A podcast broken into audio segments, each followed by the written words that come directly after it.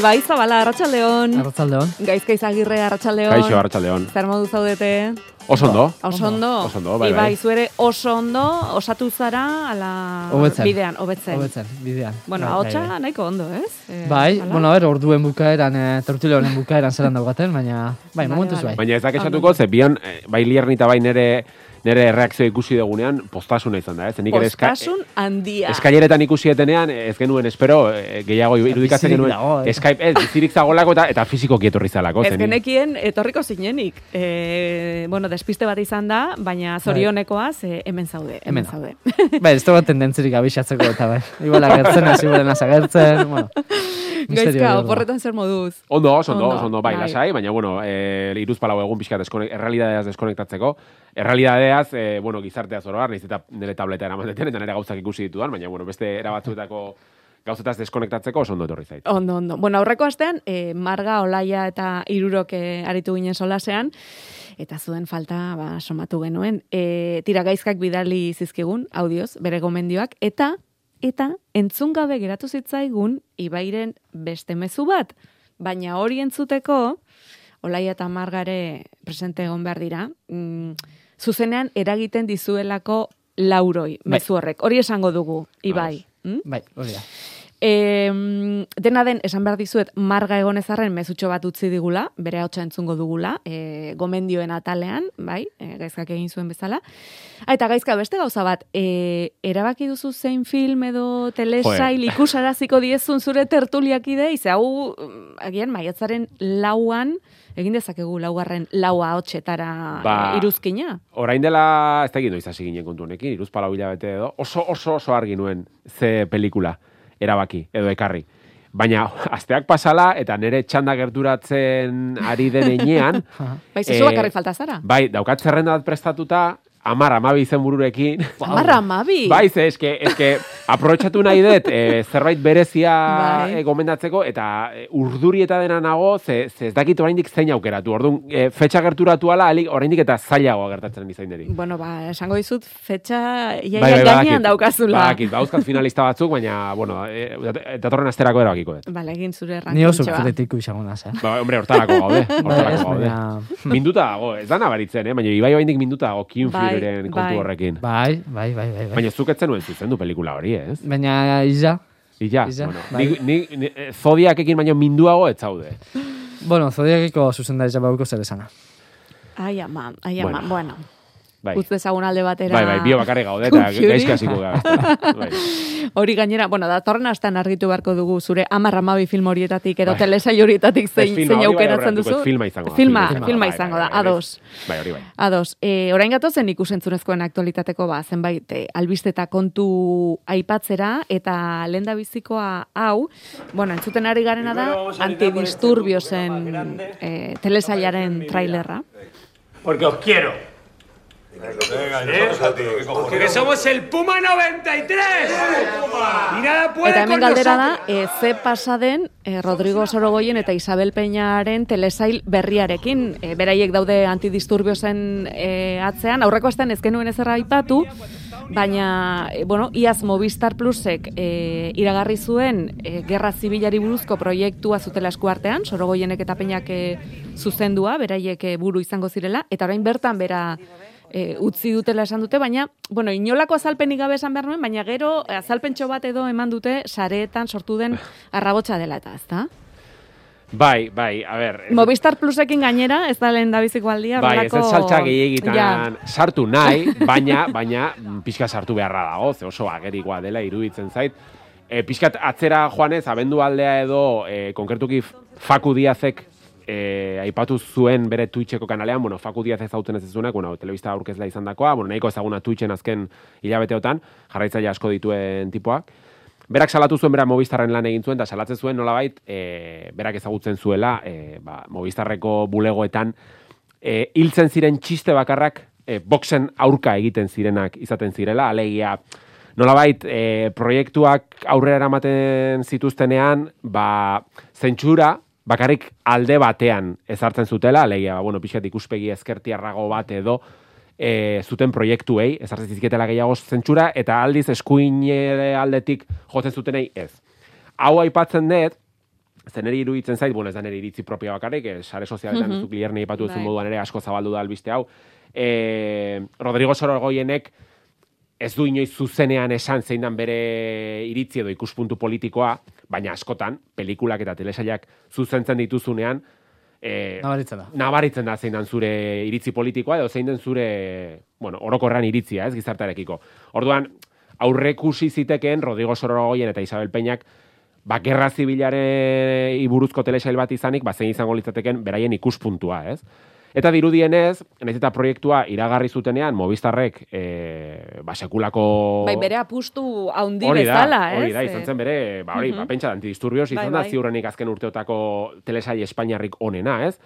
Baina bapatean, ba, gidoiarekin eta hasi zirenean, ba, nik susmoa daukat, ba, gidoian e, gustoko ez dituzten hainbat gauza topatu dituztela Movistarrekoek, eta orduan esan dute beraiek estrategia komertzial bat tarteko, erabaki dutela bertan bera ustea proiektua. Hori da, atzerapen moduko bat dela Bai. edo, baina hau by izan da, eh, kritiken ostean eh, egindako azalpen bat. Hori da, hori da. Bai, eta konkretuki ustet, e, okerez baldin manaiz, bertele webgunean eh, eman zuten pixka albistea, eta ora aipatzen dute agian, ba hori, ba, ba, kontu politikoengatik utzi dutela bertan bera edo bai egoeran proiektu hau, gustatuko litzaidake sorogoienen iritzia jakitea, imaginatzen ez duela emango, ze azkenean, bueno, oraindik agian badu bide bat hor, eta, eta azkenean, ba, bueno, Movistar kateak zorionez edo zoritxarrez, ba, e, pertsona askori edo langile askori e, jana ematen dio oraindik e, zinemaren munduan, orduan bueno ikusiko dugu, baina nik argi daukat, hau jan ere iritzi pertsonala da, eta Faku Diazen bideo hori ikusi ostean, eta bueno, hainbat zantzu e, ikusi ostean, ba, la resistencia saioan adibidez, kendu dituzten hainbat gauza bakarrik alde batetik eta ez bestetik iruditzen zait e, Movistarren egon den aldaketa goitik hasita noski e, ba ez dakit sortut Eragina eragina izan duela nola baitu honetan bai. Nire hitzia bintzat argia da bai. Edo zein kasutan, em, Gerra Zibilaren inguruko telesail honek aurrera eginala ez, e, sorogoien eta peñak gelditu gabe ari dira lanean, eta ikusiko dugu euren lanaren uzta, ba, e, aurten bertan, esaterako apagon telesailaren, e, telesailan parte hartu dute, gaizka rankin zalea zarenez, e, galdetuko banizu, e, antidisturbios azken bi urteetako Espainiar ekoizpen honenen zerrenda batean sartzeko, e, non kokatuko zenuke? ze postutan Bai, lehenengoan baina. lehenengoan. Baina lehenengoan kokatuko nuke, are gehiago, azken lau edo bost urteetan. E, el día de mañana antidisturbios eta krematorio iruditzen zaizkit Mhm. agian egin diren, inoiz egin diren honenak, antidisturbios. Inoiz. Bai, bai, bai, antidisturbios iruditzen zait, teknikoki, e, aktore lanari dagokionez, narratiboki, osea, gauza askorengatik, lehen mailako ikuskizuna iruditzen zait Alan da, bel, lehen denboraldi da, bakarrik ez da. Bakarrik, bai, bai. Mhm. Bigarrenik ez da. Ez Bai, dago, ez Hori ere hor geratu zen. Bai. Bueno, basan dugu apagon eta eta beste lanik ere badute eskuartean bi hauek. Bueno, rankinaren galditu dizut eh, mapa bitxi bat aurkitu dudalako sarean herrialdeka sailkatutako film onenen mapa da zuzen ere. Eh, herrialdeka diogunean, ba, Euskal Herria ez da gertzen, baina film ikustaldi e, bidaia moduko bat e, izan daiteke Rave Reviewsek argitaratutako mapa bat da, kontinente guztietako herrialdetako filmak agertzen dira. E, izan ere, zein herrialdetako filmak ikusten ditugu e, nagusiki? Zuen Ba. kasuan, mm, bueno, nahiko argia igual izan diteke erantzuna, ez? Baina ez dakit, Bai. zuek, Estatu no, batuak. estatu batuak, Eta Japon. Bai, zure kasuan Nire estatu kasuan batuak eta Japon, Japon. bai. Orokorra izan daiteke estatu batuak, Hollywoodeko produkzioak noski, zure kasuan bai, gaizka... Ipar Amerika, Ingalaterra ere bai, nordikoak ere, baina egia da, eh, bakarrik kantitateari erreparatuz gero, Bai. eh, azkenean, eh, amarre seinaletik zortzi, bertatik baldin bat, normala da, eh, Ipar Ameriketatik gehiago ikustea, nire kasuan bai. E, dena den zinema ekoizpena, esan bezala, eta zerrenda honek erakusten duen bezala, Bai. mundu guztiko herrialdeetan e, egiten da. Badago beste erraminta bat, bueno, beraiek ere e, mapa hau egiteko erabili dute IMDB-ren e, rankina, ez? Hango eta hemengo herrialdetako film honenak sailkatzen dituena. Ez dakit erabiltzen duzuen, edo horrelako tresnetan e, ibiltzen zareten, ba, freskatzeko agian, edo ezagutzeko e, film gehiago, edo lan gehiago. IMDB ez, baina ni filma finitin bai. Mhm. Eta pelikula bat ikusi edo ez e, aukeratzeko momentuan, edo bi pelikulen artean aukeratzeko momentuan, filma finitin daukon, e, zan da, puntua bada, bai izaten da... E, Bai, kasu egiten bai, diozula, ez? Horri. Hori da. Bai, nire kasuan bietan eh, aritzen naiz, eh, baina egunero orduak pasatzen ditut gaina bi webgune horietan orduak eta orduak. Egia da gero ere, pixkat tendu- Zeren arabera egiten duzu e, aukeraketa esan nahi dut. Puntuazioen Em, arabera, a ber, e, generoarekin adibidez, kontuz, beldurrezko pelikula batek sei bat baino gehiago baldin badauka IMDb no film affinitin, ikusi beharrekoa da. Ze Bai. gero generoaren arabera edo akzioa edo zientzia fikzioa, Ka, hemen kontua da, e, pertsona batek bozkatu dezakela pelikula, bi, imaginatu bi bozka dauzkala, eta batek amarreko bat ematen dio, eta besteak zero ematen dio. Orduan, bataz bestekoa bost ateratzen Bai, da. hori claro. da, estatistikaren trampa Bai, hori, ez? bai, orduan, jakin behar da nolabait, bakoitzak bere filtro propioa ezartzen, eta, bueno, nire kasuan generoaren arabera, ba, puntuazio hori gora edo bera egiten dut. Baina nien naiz gehiagi fidatzen e, puntuazio orokorraz, baizik eta film affinitik adibidez badauka tresna bat, non e, badauzkazun zure alma bikiak delako sistema bat, eta orduan, e, nik ikusten duten gauza, ikusten ditudan gauza guztiak puntuatu egiten ditut. Orduan, nolabait, e, beste arpidedunen artean batu egiten gaituzte, eta gutxi gora bera bataz beste, pelikuletan koinziditzen dagunez, imaginatu, ba, beste tipo batekin nik eman diot hamar bat zodiaki eta guniei, eta beste horrek ere. Orduan, nolabait, bueno, sistemak ezartzen du, nere gustuak eta tipo horrenak antzekoa direla, orduan, horren puntuaketak nere iristen zaizkit. Ara. mhm. Piskat, e, arraroa da esplikatzeko, baina badagoela e, azpi sistema bat, e, pixkat, erabiltzaileen arabera puntuaketak eta ikusteko, orduan, orokorra ikusteaz gain, e, norbanakoena ere fijatzen naiz, nire, bueno, alma bikiak edo horrelako zerbait. E, Hori, esan, esan duzu film affinity. Film Affinity, Film Affinity, bai. bai. Eta gero IMDB egia da, datu baseari dagokienez da munduko handiena, e, badaude pelikula asko IMDB dauden eta Film Affinitin ez, osea Film Affinityren gabezia handienetako bada batzutan ez daudela pelikula edo telesail guztiak, baina egia da IMDB haina haina handia eta haina erraldoia izanik batzutan e, erraza dela galtzea, ze badaude hor azpi atal asko.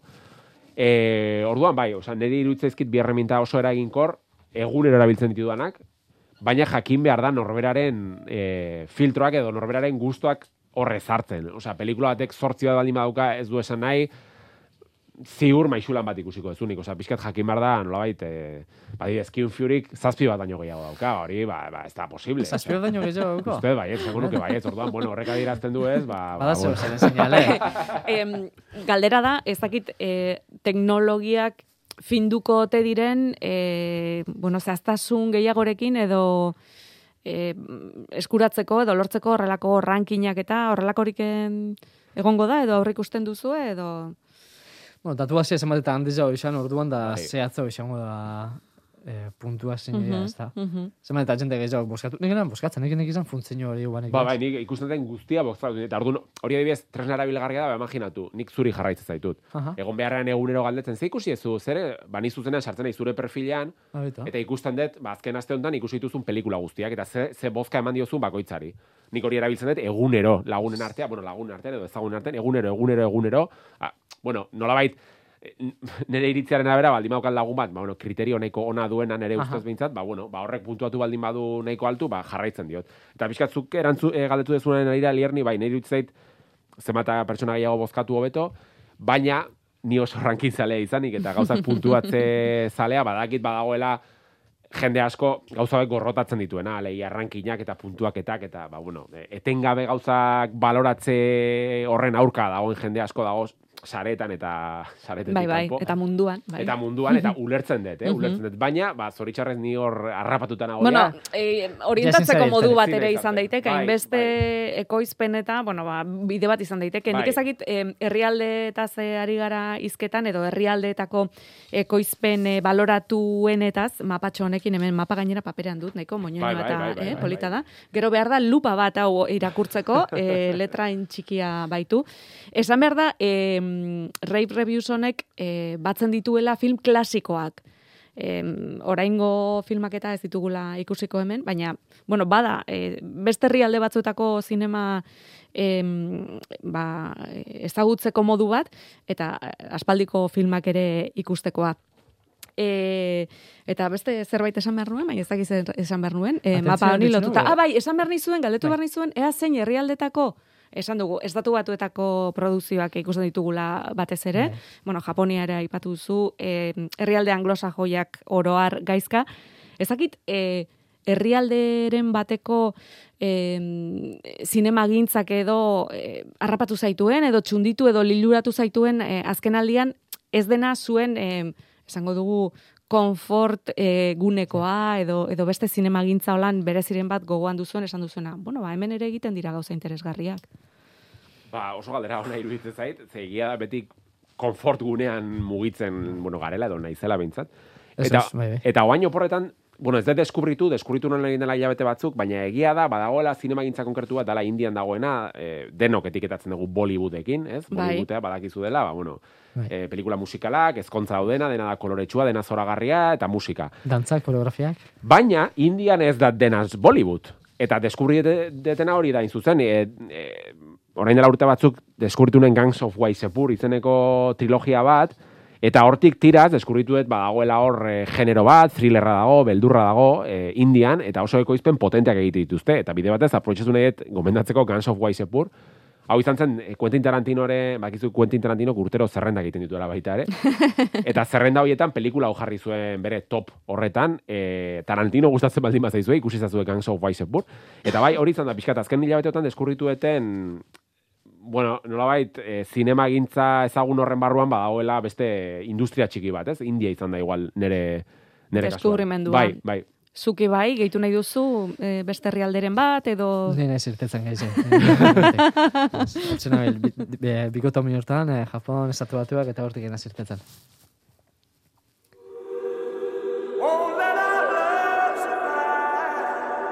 There are some who'd make me out to be the villain of this here story. Let's don't let a good thing die.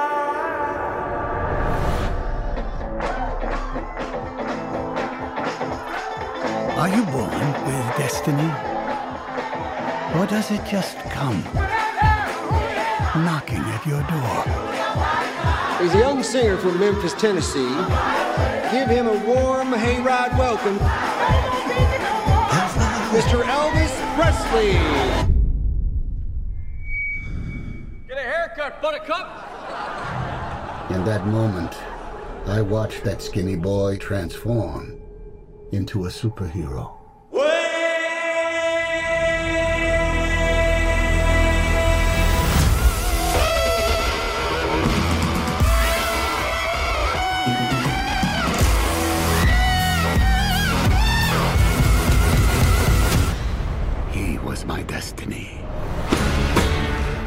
Wish to promote you, Mr. Presley. Ba, orain eh, aipatuko duguna eh, iruzkintzeko ere paperak ekarri ditut eta fotokopiak azpimarratuta. Eta entzuten ari garen hau da Elvisen eh, biopika, eh, zera, Elvis Presleyren eh, biopika, eh, Kango festivala, bueno, ba, aurkezteko edo aukeratu dugun eh, trailerra. Kan izango da, ba, hilabete eskaz eh, barru, irurogeita garren edizioa, 2008 az eh, geroztik, bueno, ba, ezen egiten bere, ez da, dizdira osoa ekarriko du orain edizio berri honek, ikusi duzue kartela? Eh, Bai, bai, bueno, bai, bai. bai, kartela da, bueno, zoragarria, ez da gizan bat partekatueten. Eh, Bai, ezta? Zoragarria iruditu. Esango dugu, Hori Trumanen da. showa, eh, bueno, ba, pixka keinu egiten Bai. diola eh, edizionek, hala ere eh, film hori kandik eh, urruti ibili zen bere garaian Bai, ala. egia nik uste urten poderioz kultuzkoa bilakatu den Bai, pelikula bai. zoragarri badela. Zoragarria, zenbat aldiz, eh, bueno, nik askotan ikusi dut. Telebista Eh? bai. Laro gaita emezortzikoa dela esango nuke, eta eta pentsa gainera pelikula hori esainatu zela pixat Big Brother eta kontu horren aurretik, eh? Bai, bai, bai. pentsa gaur egun egia da hori ikusten dezula, ba, Black Mirror, Big Brother, guzti hori ikusi dugu, eta esan duzu, bueno, agian ez da indeigarria, baina garai hortan horrelako gidoia zuen pelikula ikustea, pelikula ikustea nahiko, nahiko deigarria zen, eta horrelako keinua egitea iruditzen zait oso polita, eta bai, urrun dago kanetik, baina agian hori nola urten poderioz, pixkat bilakaera bat jasan duen pelikula bat izan da, bai, iruditzen zait, Bueno, nola igual bere garaian eman ez zioten, e, bastakit, label hori edo, ba, orain eman diotela, Mhm. ez? Kan zinema jaialdean, ere ustez, mundu mailako onenetariko onena, Bai. ez bada esango nuke, eraz, nahiko, nahiko garrantzitsua iruditzen zait, bai. Esan dugu, maiatzaren amazazpian eh, hasiko da urtengo jaialdia, amarregunez, e, izenburu oso interesgarriak, eta zinemazale askok ba, espero dituenak aurkituko ditugu bertan. Nik azpimarratu dut, ba, horixe, Elvis Presleyren e, biopika, nik uste dut jende askok e, ikus, is- Bai. ikusmina duela e, film honekin. Gero, e, David Cronenbergen e, beldurrezko film futurista bat, Bai, e, bueno, ez dakit horiek, e, bueno, ba, izen batzuk eh, esatearren, ez Bai. dakite begiratu duzuen zerrenda, zerbaiten esperoan zaudeten, bai, ala... jo, egia da, e, nik kan zineman jaialderekin arazo bueno, positiboa daukat, eta da, jo, e, urtero az, azaltzen dien, e, bai, izen e, guztien artetik, kosta egiten zaidala, bakar bat, baztertzea, ze iruditzen zait, e, ez dakit, e, Avengers pelikuletan beti ez, batzen dituzte superheroi garrantzitsuenak, iruditzen zait, kan zinema jaialdian, batzen dituztela urtero, zinemagile, munduko zinemagile garrantzitsuenak. Bai, bai. Ez duk aipatu dituzu, noski, David, David bi, Cronenberg. bi bakarrik. Baina, eta- ba, David Cronenberg Bai. asko gustatzen zait. E, Parchan Walk korearrak ere pelikula seinatuko du. Ruben Ostlum, e, hau gomendatze dizuet, e, Mhm. zinemagile suediarra hau, orain dela bost urte, niri burua leherrarazi zidan e, pelikula bat eseinatu zuen, eta hori izan behar zuen, begiran, e, komentadarako ekarri behar nuen pelikuletako bat, baina ez detena ekarriko da, The Square pelikula, Ah, bai, bai. Hamazazpikoa, ba, pelikula hori ikusiz baldin mazu ikusi, ze behintzat, ziur, asola gabe, ez zeatela geldituko pelikula horrekin. Ba, e, Ruber Ostlundnek... E, Woody Harrelson izango du Ah, bai, eh, hori- filmean hori enekien.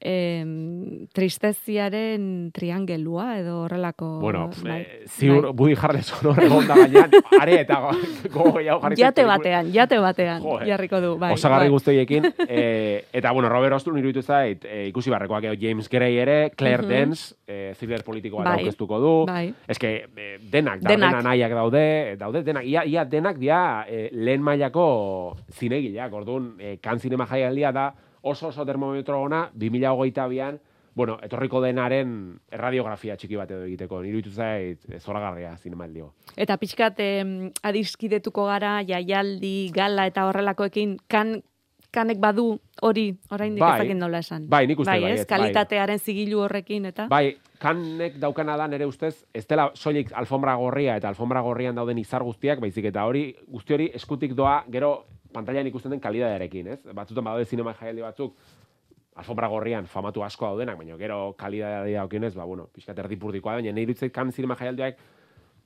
asko, oza, oso orekatua duela hori guztia. Bai e, alfombra gorria, bai pantalla. Orduan, bueno, ni gogotsu nago. e, Bueno, iristeko hori gara. maiatzaren e, Bai. amazazpitik aurrera izango, izango da. Eta e, aurreko baten hitz egin genuen em, plataformetako iragarkidun arpidetzak gero eta gertuago e, egon daitezkela, badaude horrelako arpidetzak, bueno, e, aipatu genituen rakuten, eta e, zera, estatu batuetan ere badaude aukerak, ba, hemen dauden ba, plataformetan ere arpidetza horiek, iragarkidun arpidetza e, merke horiek, baina orain e, Netflixen iragarkidun arpidetza e, ba, mai gainean da berriro, arpideak galdu baititu eta mozkin gutxiago lortu dituzte. 2008ko lehen iruilekoan berreun mila arpide galdu ditu, espero zutena baino diru gutxiago irabazi ere, bueno, iaz mila eta zazpireun gora milioi dolar, aurten, ba, mila eta seireun milioi dolar, eh, irabazi dituzte. e, Apple eta Disney plataformen agerpena eta kompetentzia, Errusian arpidetzak etetea Ukrainako gerraren ondorioz, e, Netflixen jaitxeraren arrazoiak dira besteak beste. Burtsan ere berakada nabarmena izan zuen e, atzo akziodunen aurrean e, datu hauen berri eman zutenean ba adierazi zuten moduan. Orduan ez dakit gertu dagoen, agian galdera hau ge- gehiegizkoa da, baina plataforma handien eraldaketa bat, iragarkiena izan daiteke e, bide bat, edo pixkat orekatuko da guztien arteko e, leia horrekin, ba, ez dakit, e, esparru hori, plataformen esparru hori, gainbera honekin edo, edo ez.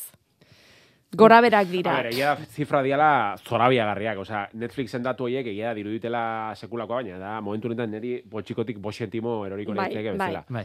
Baina egia da, Netflixek ez duela sekula horrelako berakari jasan. Osea, esan nahi dut, ez da zerbait eh, ikaragarria, baina Netflixen tendentzia azken hamar urteotan, eta bueno, konkretuki ego Euskal Herrian eta Ipar Euskal Herrian eta oroar Europan izan da gorakada etengabea. Egia da, zuk aipatu dituzun ba, Ukraniako gerraren kontua eta gauza guzti horiek hor tartean sartzea garrantzitsua dela. Baina nik uste eh, hori eh, hemen bi faktore daudela garrantzitsua, alde batetik iragarkiarena sartzerena eta gero bestetik nik uste saiestu nahi duen beste kontua dela eta hori horrekin ere ari temate, tematzen dala eh, kontuak partekatzearen kontu hori. Bai, Bai. hori ere aipatu dute, Bai. eh, aipatu zuen em, zera Netflixeko showrunnerrak eh, egin zion hori eh, bai, basan zuen gehiegi partekatzen direla. Nik uste, eh, ba, zifra horiek aitzakiatzat erabiliz, igualera esango dutela, bueno, jake gora e, beraka bat jasan dugu, ba, bueno, partekatzearen kontua, partekatza diot, e, bueno, entzulek ez daute ulertzen da, ba, hori, ba, nor, arpietza bat ordaindu eta lau partekatzea, ez? Lau, lau pertsonekin partekatzea. Hoi saiestu egin nahi du. Eta nahi du, etxe bakoitzean egotea, arpidetza bat, ba, Spotify bere garaian egin zuen moduan, ba, plan familiar badago eta bar, baina etxe bakoitzean arpidetzak bat. Eta orduan nik uste bidea iragarkiena bai, baina batez ere horti jungo dela. Eta, eta agian hau izan ditekela nolabait eh, etorriko denaren ba, lagin bat bezala, ez? Eta nik uste horti joko duela. Baina, baina ez, plataformak orekatzearena, nik uste bidea eta etorkizuna da, izango da, e, geroz eta plataforma gehiago dauden arren, ez dakitzen dauden orain, amar, amabi, Bai. Hemendik amar urtera bi egongo dira. Egongo dira Netflix, Disney eta HBO, edo Netflix eta Disney. Bai, hori pasako da. Nik uste dut, eh, batak besteari irentziko, Netflix mantenduko da, eta HBO eta Disney ere, baina, karo, gero Amazon dago, eh, Elon Musk ere hor dabil azken aldian zalaparta sortzen, nik uste azkenan, en, erraldoienak irentziko duela bestea, eta gedituko dira bata bestearen barruan. Nere sentsazio ematen dit, hori izango dela, eh? agian oker nabil, eh? baina nik uste hori izan litekela etorkizuna. Ez dut eh, justo positiboa dala, ez? Netflixek eh, galera honek ukitxia. Ez gero galera honekin honek dala eta hartuko da bezen neurriak, horrek igual gauritzako, gaurrik alterako etorriko da, bai iragarki aldetik edo bai arpidetzak ezin dizelako partekatu. Baina, bueno, Netflixeko ezago zemuan eh, igotzen joan da denbora guztizan, Bai, bai. eta eh, nire inguruan ezagutzen jente askok arpidetza bakarra auk eta Netflix da. Ez da tanteatzen beste arpidetza bat eitxia da. Jo, Netflixek eh, aurten, aurreko urtiaz konparatuta bat, diru galera bat eukitxia, seinale positiboa izaneke, igual beste plataforma batzuk hartu da belako bere lekua. E, hemen gauzen tertuliaki frikizok baukauz e, bizpaidu arpidetza, baina igual ez da oikuena, ez? Oikuena da igual da arpidetza Bai, bakar bat bai. egitzea, ba, edo Netflixen, edo Amazonen, edo Disneyen. Eta, pff, hitz, e, leia, leia hona da, nahi dut dut pentsa. Bai, bai. Orduan, gerora urte batzu barru e, batak beste egintziko da ben, edo Ez hori nire iritzi. Baina, bueno, momentuz, seinale hona dala, mi gusta baietz. Beste HBO dala, edo Bai. Amazon, edo Disney Plusekin indera hartuta bela, ondo etorri, ondo etorri leike. Your Majesty. I think we have enough respect for one another personally to ask ourselves some of the bigger questions, woman to woman. We are the same age after all, Really? Just six months between us. Oh? And who is the senior? I am. Ma'am.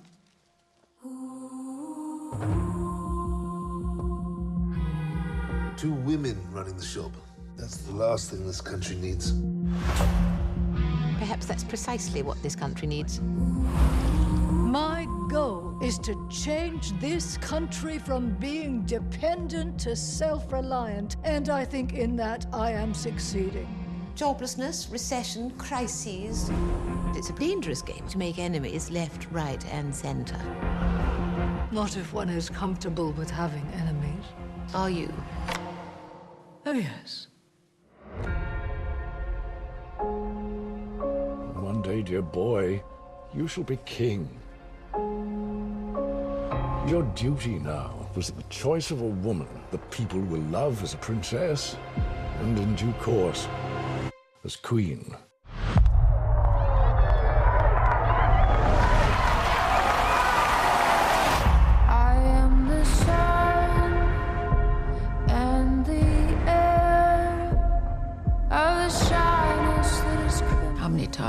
Ez the Netflix alde batera utziko izan ere The Crown telasailaren eh, prekuela bat abia, agian ba, abian egon daiteke, olaia pozik eh, egongo da. Ez Berdina dakit- pentsatu ez dut, bai. dakizuek. Nire ez dekram Mm, salia. Baina, Eh, prekula da sekulakin ez nator oso bat inoiz. Ez dira ideia ona, ez dira Ez ideia dira ona. ideia ona, Ez. inoiz. Salbu esperen bate ongo da, baina ez. Mm. ez. Bai, gero aipatuko eten bat, adibidez.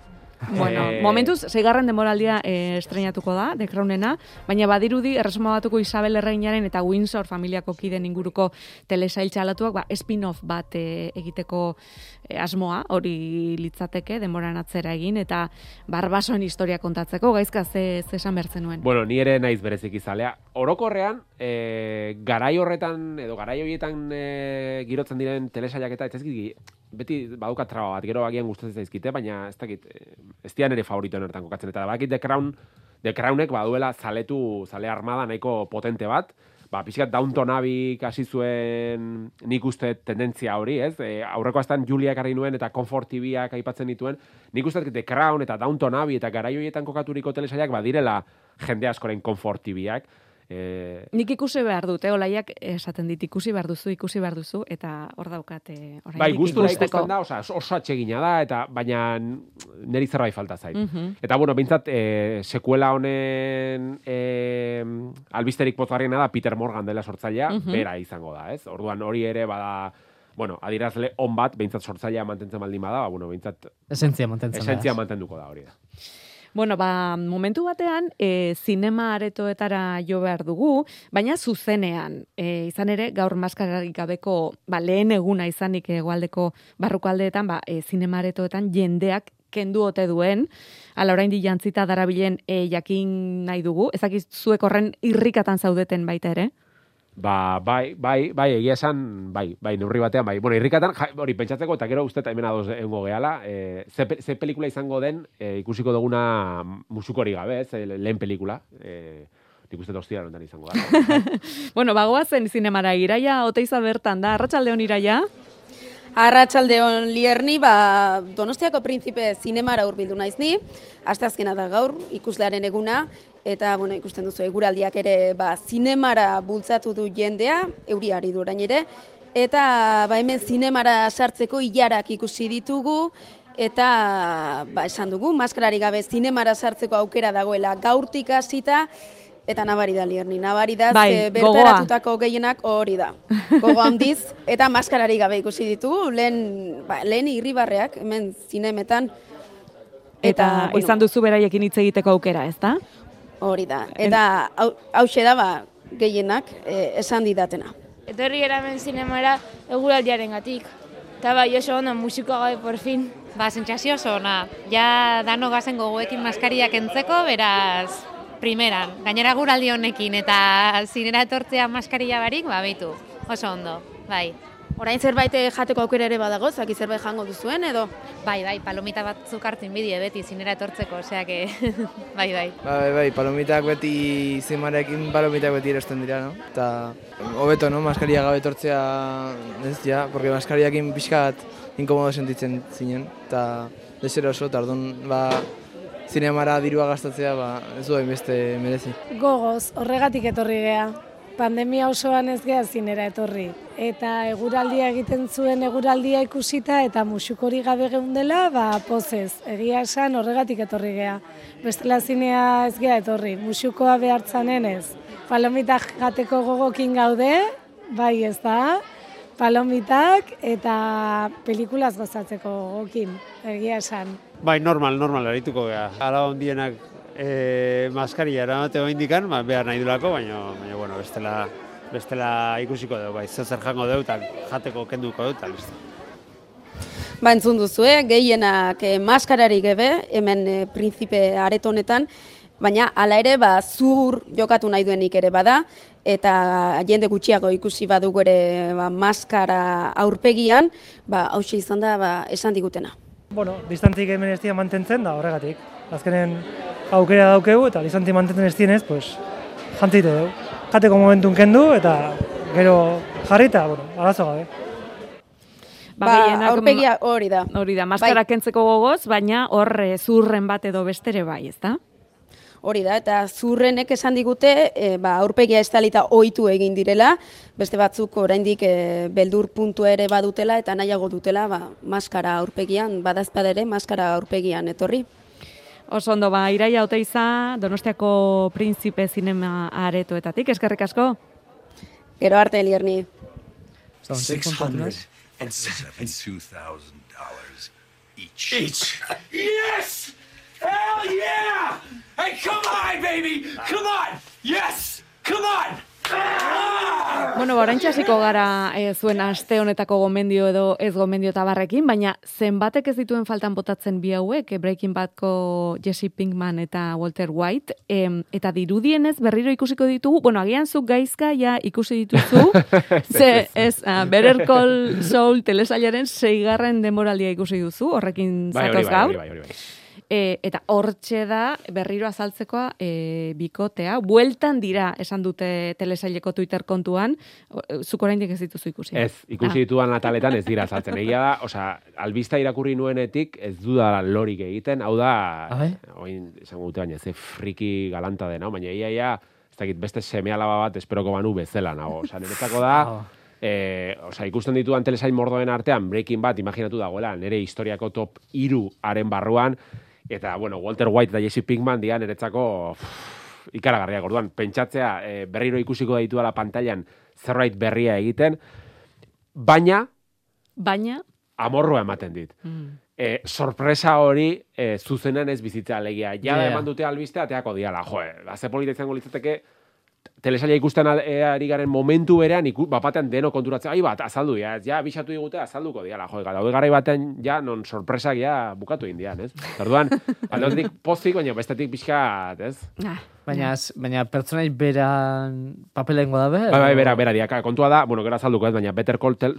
Call Saul telesaila kokatzen da Breaking Bad baino sei urte lehenago. Ah, abokatu Orduan, orain ari da amaitzen, justo seigarren urtea, orduan, Aha. lotuko dute Breaking Bad eta Better Call Saul. Osea, denboran, Ja, elkartu egingo printzipio dira. Ostra. Hautxe da, seigarren denboraldiko trailerra.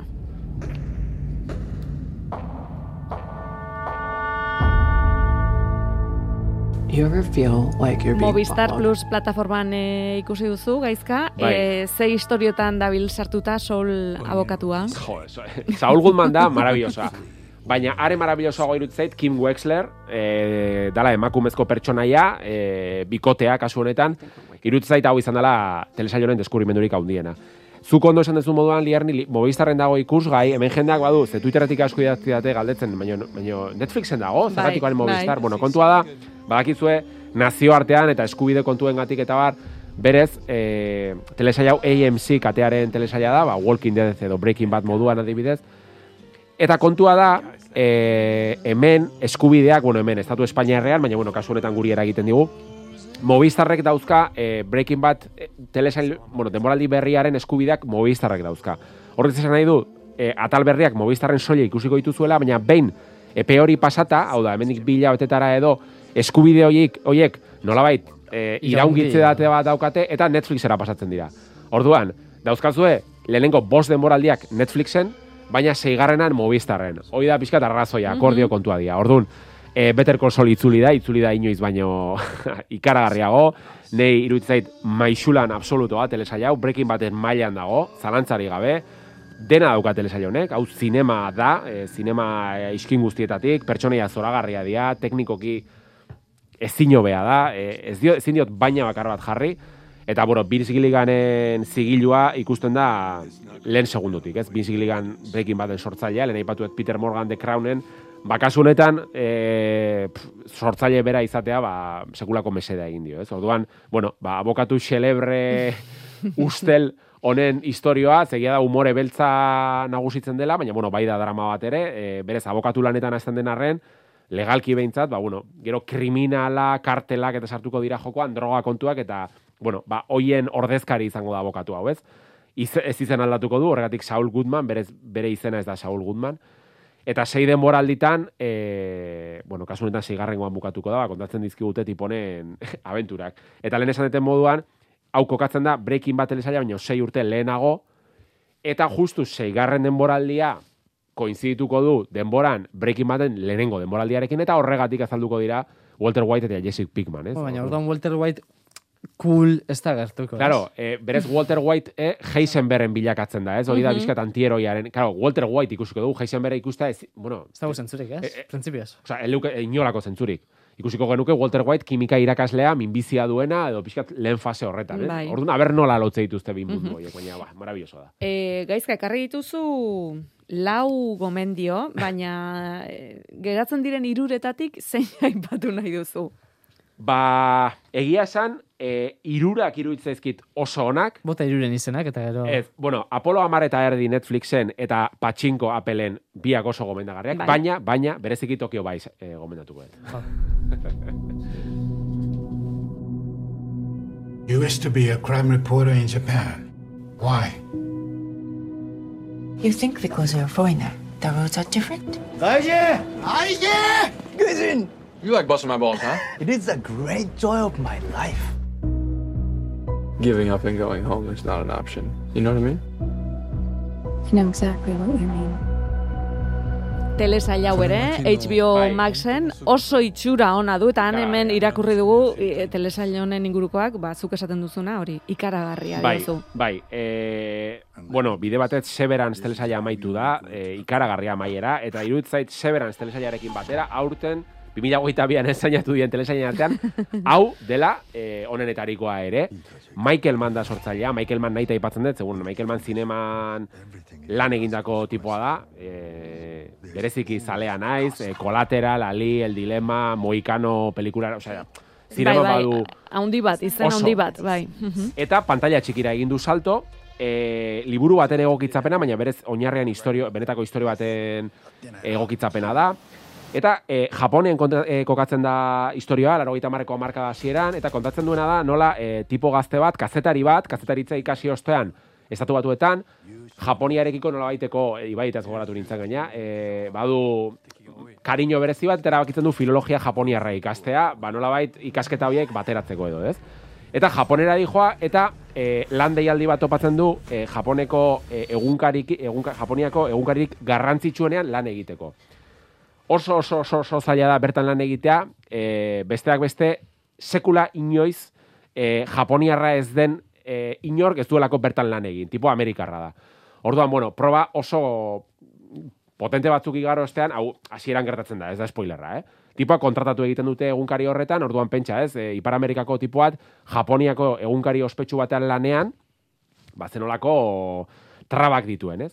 Baina, baina historia kokatzen da, zebeak badu e, krimenaren inguruko pasioa, eta berak nahi du jakuzei, jakuza, e, badakizu Japoniako mafia, e, o- bueno, horrela definituko dut, pixkat orokorrean, Bai. e, badu ba, bueno, mundu horrekiko pasioa eta erabakitzen du behai buruzko artikuluak idaztea. Baina, momentu batetik aurrea, konturatzen da, onena dera, jakuzan infiltratzea.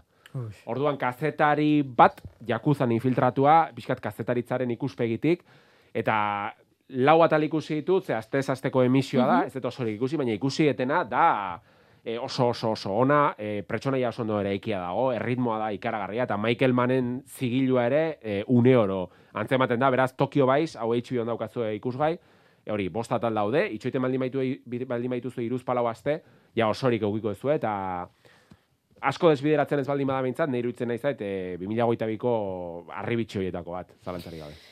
Entzungo dugu Margaren gomendioa, eta, bueno, kanta bat ekarri digu, Princess King, hortxe, hortxe, e, film labur bateko soinu bandan entzun dezakegu, eta Margak esan didanez, laburrean biziki esena berezi batean azaltzen da kanta hau.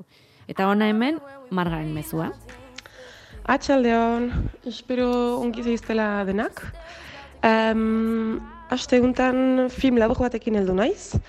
Um, Netflixen ikusgai dena, If Anything Apple, I Love You. Uh, Dozar gerta maite zaituztet, edo uh, izenekoa. Uh, Egia zinez, uh, aurre iritzirik gabe edo hola begiratu dut. Ikusi dut amabi minutu irauten zituela, beste zerbait begiratzen hasi gintzen, eta beste zerbait hori uh, ondokan aipatuko dizuet, ez baitut bukatu. Um, hola begiratu dut, uh, grafismoak erakarri nau, hola xuri beltzean, aski uh, xuma idurizelako. Eta, uh, ze, zaplastikoa, bezinaz zenuen bat ere espero, eta um, ez dizuet sobera kontatu nahi, nahi nukelako ere zuek uh, nahi baduzue uh, esperientzia uh, egitea. Um, ikusiko duzue, fe, ikusi dut gero bilaketak eginez, uh, aski birela izan dela, 2008an atera zen, azaroan, eta TikToken hogeita maika milioi ikustaldi um, izan ditu, da, TikToken aski birela eginda. Um, I, if anything happen, I love you hashtagarekin.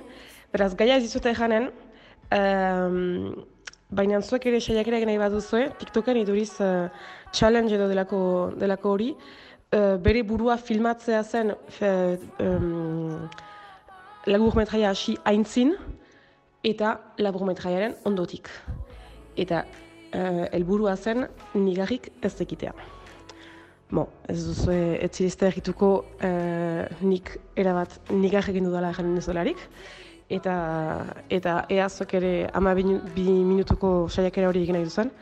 Eh, eta zuek nola, nola bizi duzen. Beraz, gaia ez dizute janen, eh, justu eh, zinez eh, be, ongi gira dela, biziki ongi garria dela, eh, eta grafikoki eh, erabat mutua da. Eh, Baina uh, irudian bidez, uh, uste uh, ongi transmititzen dela uh, gaiaren uh, ebe gordintasuna, bagenen dugu. Oi, zenbat misterio. Bon, be, beraz hori da, hori da hastentako gomendiotxoa, uh, hola, ez du, hola, pena ematen du, baina uh, edera da. Beraz, uh, bon, gero presti izan dela ere, ez dela gai lasai eta um, errez bat. Bada ez bada. Oja, ebe pasa aste ona eta eta laizte arte. Ezagutzen zenuten e, film la, laburra hau, TikTokeko erronka hori, nik e, esan diot margari, bueno, nik egingo dut, ikusiko dut, e, Eta? filma, e, egingo dut erronka, Ah, osea, filmatu nere burua, bueno, filmatu, dakit, zerbait e, egiteko gogoa sartu zait ez TikToken bestela. E, Erronkia zer da, e, filma ikusi baino lehen grabatzea Bai, eta ondoren eta ondoren e, negarrez egiteko erronka bada, margak e, ba, negarre egin du, esan digun bezala e, film labur honekin. If anything happens, I love you, Netflixen dago ikusgai. Em, Ibai, zuk bi ekarri dituzu, bat La Cima eta bestea Metal Lords. Eta bietatik, e, bigarrena esan duzu dela, benetan, gomendiatzen duzuna, sutxuki. Bai. Entzun ezagun trailerra.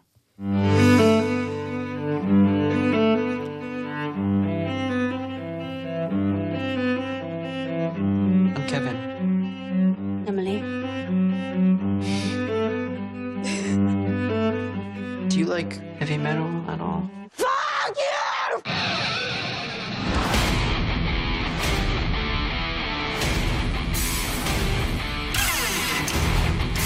Esan daiteke, e, trailerra ikusten badugu, high school bateko historio badela, baina metal astuna dute gogoko protagonistek. Bai. Horra iristen gara. Zer Bai. gehiago? Eh, ez, ez ebez. Eh, ez ebez. Horixe, Gara, garatu pixka. Sorik, sorik, horixe. Ez, ba, bueno, bai, a ber, eh, gomendio bat dau zalantza gara, Mm. niri metal musiki asko gustatzen, eta orduan gatsa etxenat pelikulia bere horretan baloratzea, eta, bueno, filman filmitin amar bat emango nuntzan, eh, lehengo kontuen arira, baina Bai. ez, esan reala izango. Ah. Ah. Amar horri ze pelikulia ez da bez, eh, beste munduko ezer.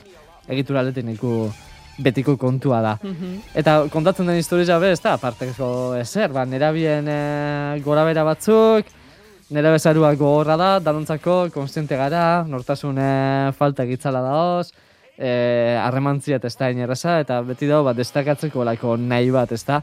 Baina, ontxarte, topatu ez nazena da, tartien metala daola.